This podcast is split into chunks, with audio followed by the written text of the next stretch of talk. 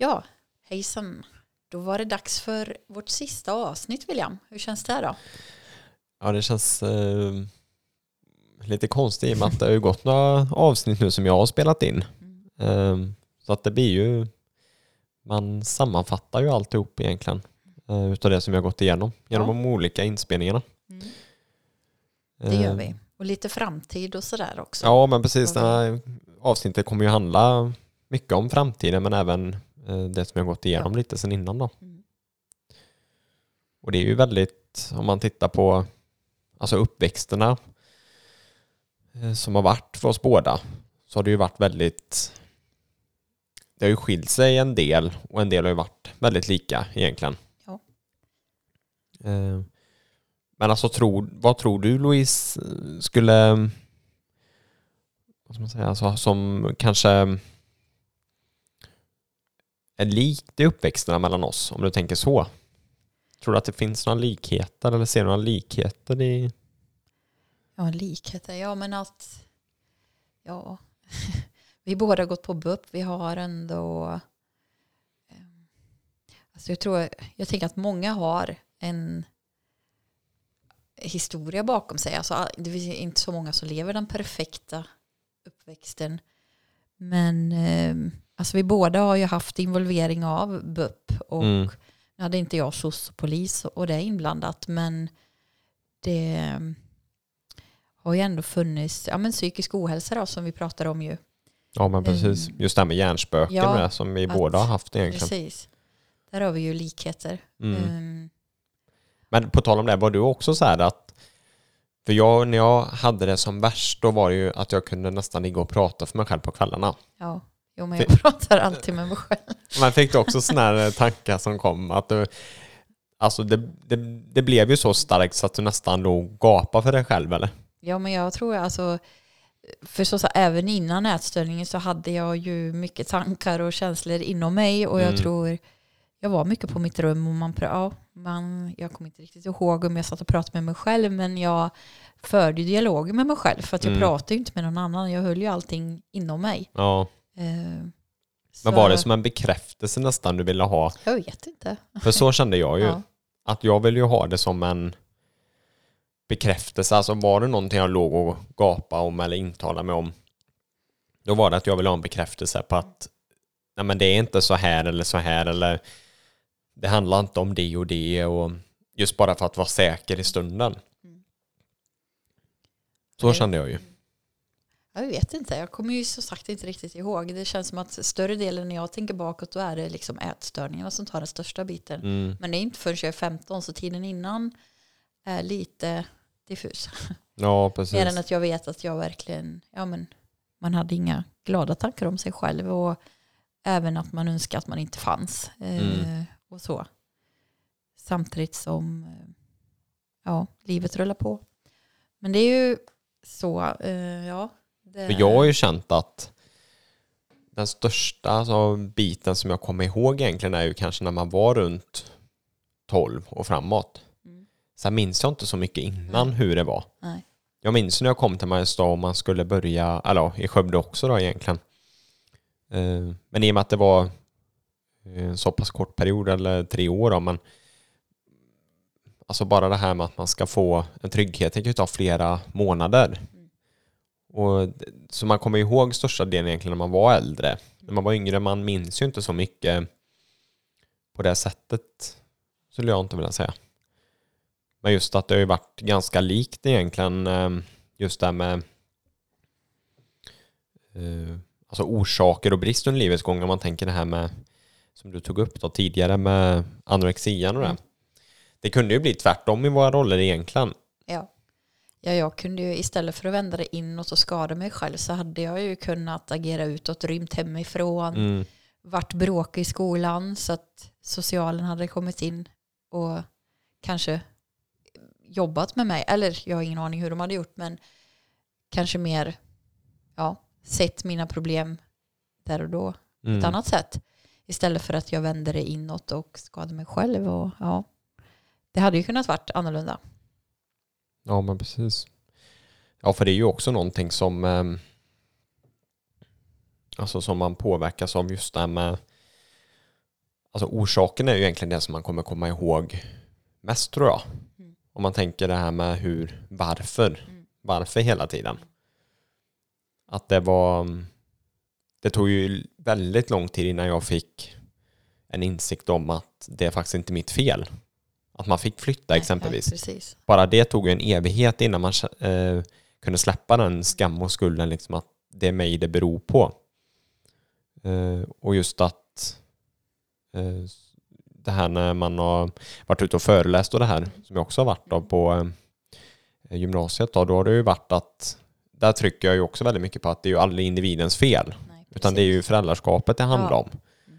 Och det är ju också någonting som jag tycker är viktigt att man hela tiden jobbar med. Bara för det kan ju också, vad ska man säga, lugna individen för att få med sig den. Att det är faktiskt inte ditt fel det här.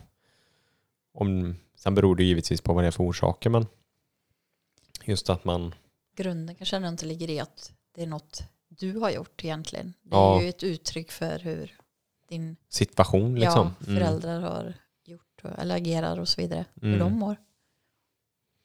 Men eh, kan du minnas, alltså om man tittar lite på din vård och behandling då som vi eh, hade i avsnitt tre där då. Mm. Hur eh, var det många olika handläggare och sånt du hade där? Alltså just när du fick olika mottagningar, när du var runt och hoppade runt så pass mycket och fick den hjälpen. Alltså jag hade ju, de första åren hade jag läkare, Mm. samma, det bytte någon gång, men samma läkare på barnmedicin och jag hade samma BUP-kontakt från det att jag var 15 till jag var 18. Mm. Sen när jag låg inne på sjukhuset så hade jag ju, då fanns det ju en kurator, då var det lite andra människor inblandade. Men det var ju bara under tre månader.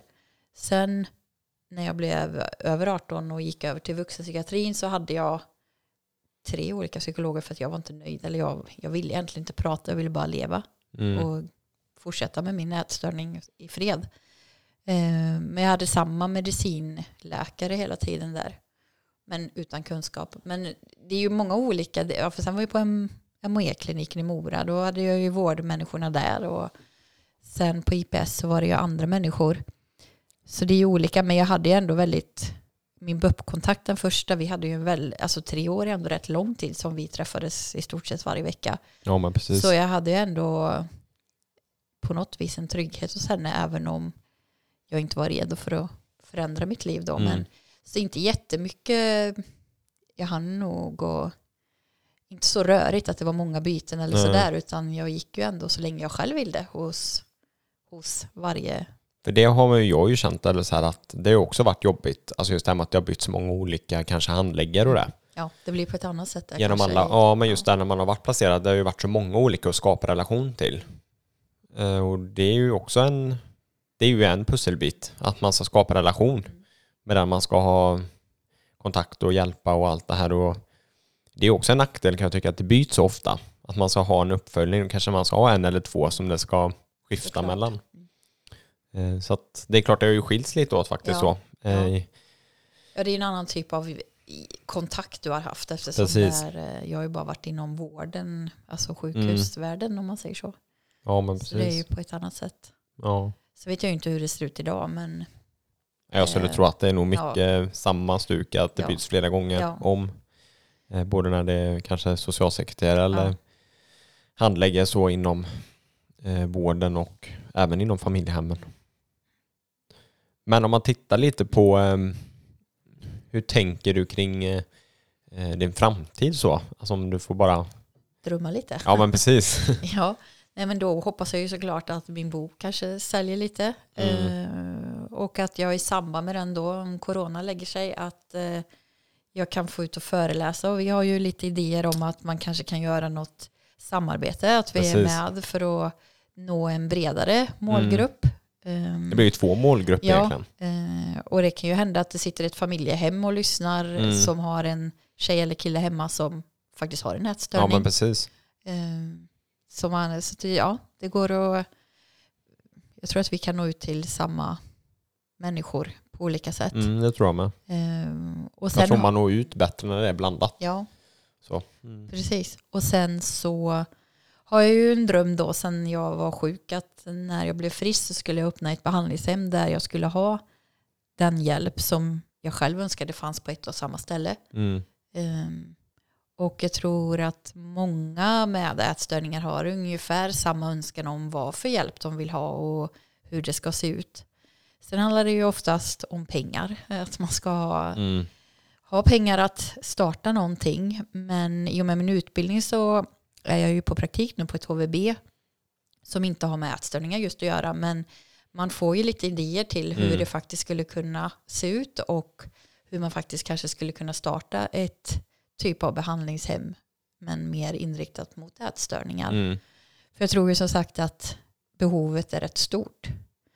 Eh, Absolut. och jag vet ju själv att eh, ja, men man hade psykolog, man hade läkare och så, men det är ju på natten du mår dåligt. Det är ju på kvällen ångesten kommer. Tankarna Ja, flyger in liksom. Men då Mm. har du ingen, då finns inget stöd. Sen har vi ju Frisk och Fri som jag pratade om, de har ju stödkontakt och chattverksamhet och mejlkontakt, men det är ju inte dygnet runt, eller det är ju liksom inte precis när du kanske verkligen behöver det. Eh, därför tänker jag ju att det bästa, eller nå- man skulle ha en jourtelefon, eh, Mm. ett behandlingshem där du kan komma när det behövs, Mm, och eh, någon form av stödgrupper och alltså det finns ju så mycket olika. Yoga är något som en del mår bra av. Mm. Ehm, ja, det finns väldigt mycket olika som man skulle kunna samla på en och samma plats. Och sen alltså professionella människor som kan eh, KBT hade jag ju på MHE-kliniken. Ehm, och det finns något som heter DBT. Eh, och ja, alltså man skulle kunna ha en mottagning av något slag. Ehm, Mm. Det är ju en dröm. Ehm, Och jag tänker, där har du ju erfarenhet mycket som kan eh, nästan betyda mer än utbildning ibland. ja, Alltså att man har kunskapen om Precis. ett själv för att man själv har varit med om samma situation. Ja, ja det Jag menar, du jobbar ju inte med en bok kanske i nej, verkligheten. nej. nej, men det är ju precis för att det är ju, jag minns när eh, jag låg inne på sjukhus där i tre månader så var det en praktikant där och hennes syster hade haft ätstörningar och jag vet att jag direkt kände att okej, men du fattar ju.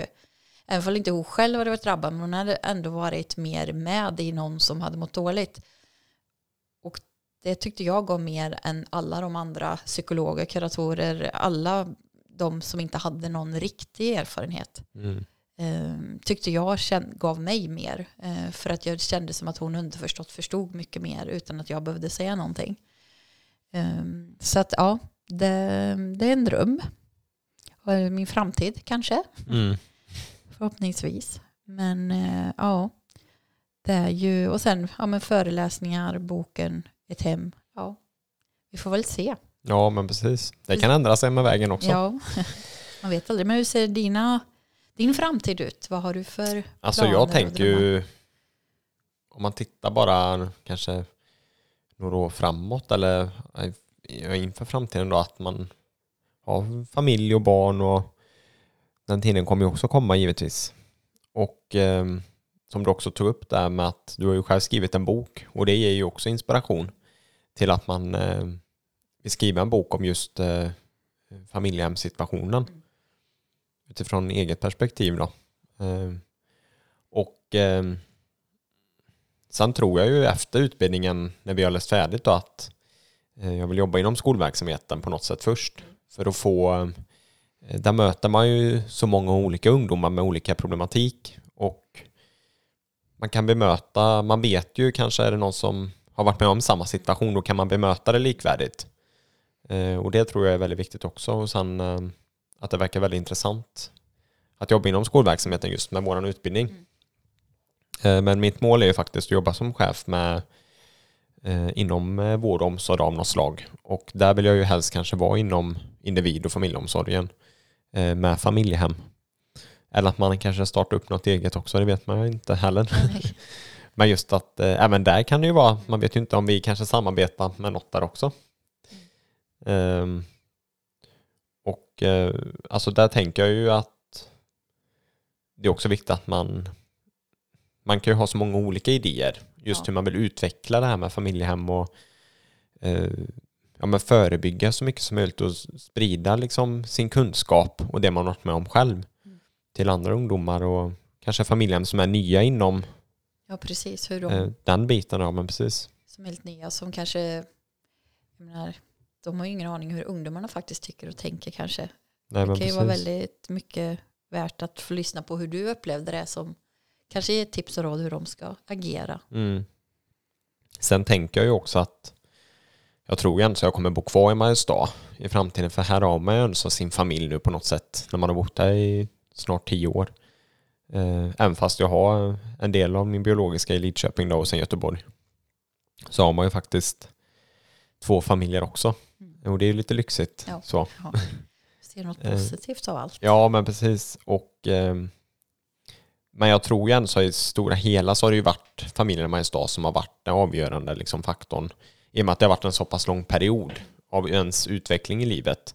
Även om det har varit små vägar innan då som också har hjälpt till det bra. Ehm, och ehm, att man har sådana här tankar tänker jag, alltså just om framtiden till att vara med, att vi ska ut och föreläsa ihop och eh, nå ut till olika målgrupper. Det är ju inte någonting som man kanske tänkte för tio år sedan. Nej, liksom.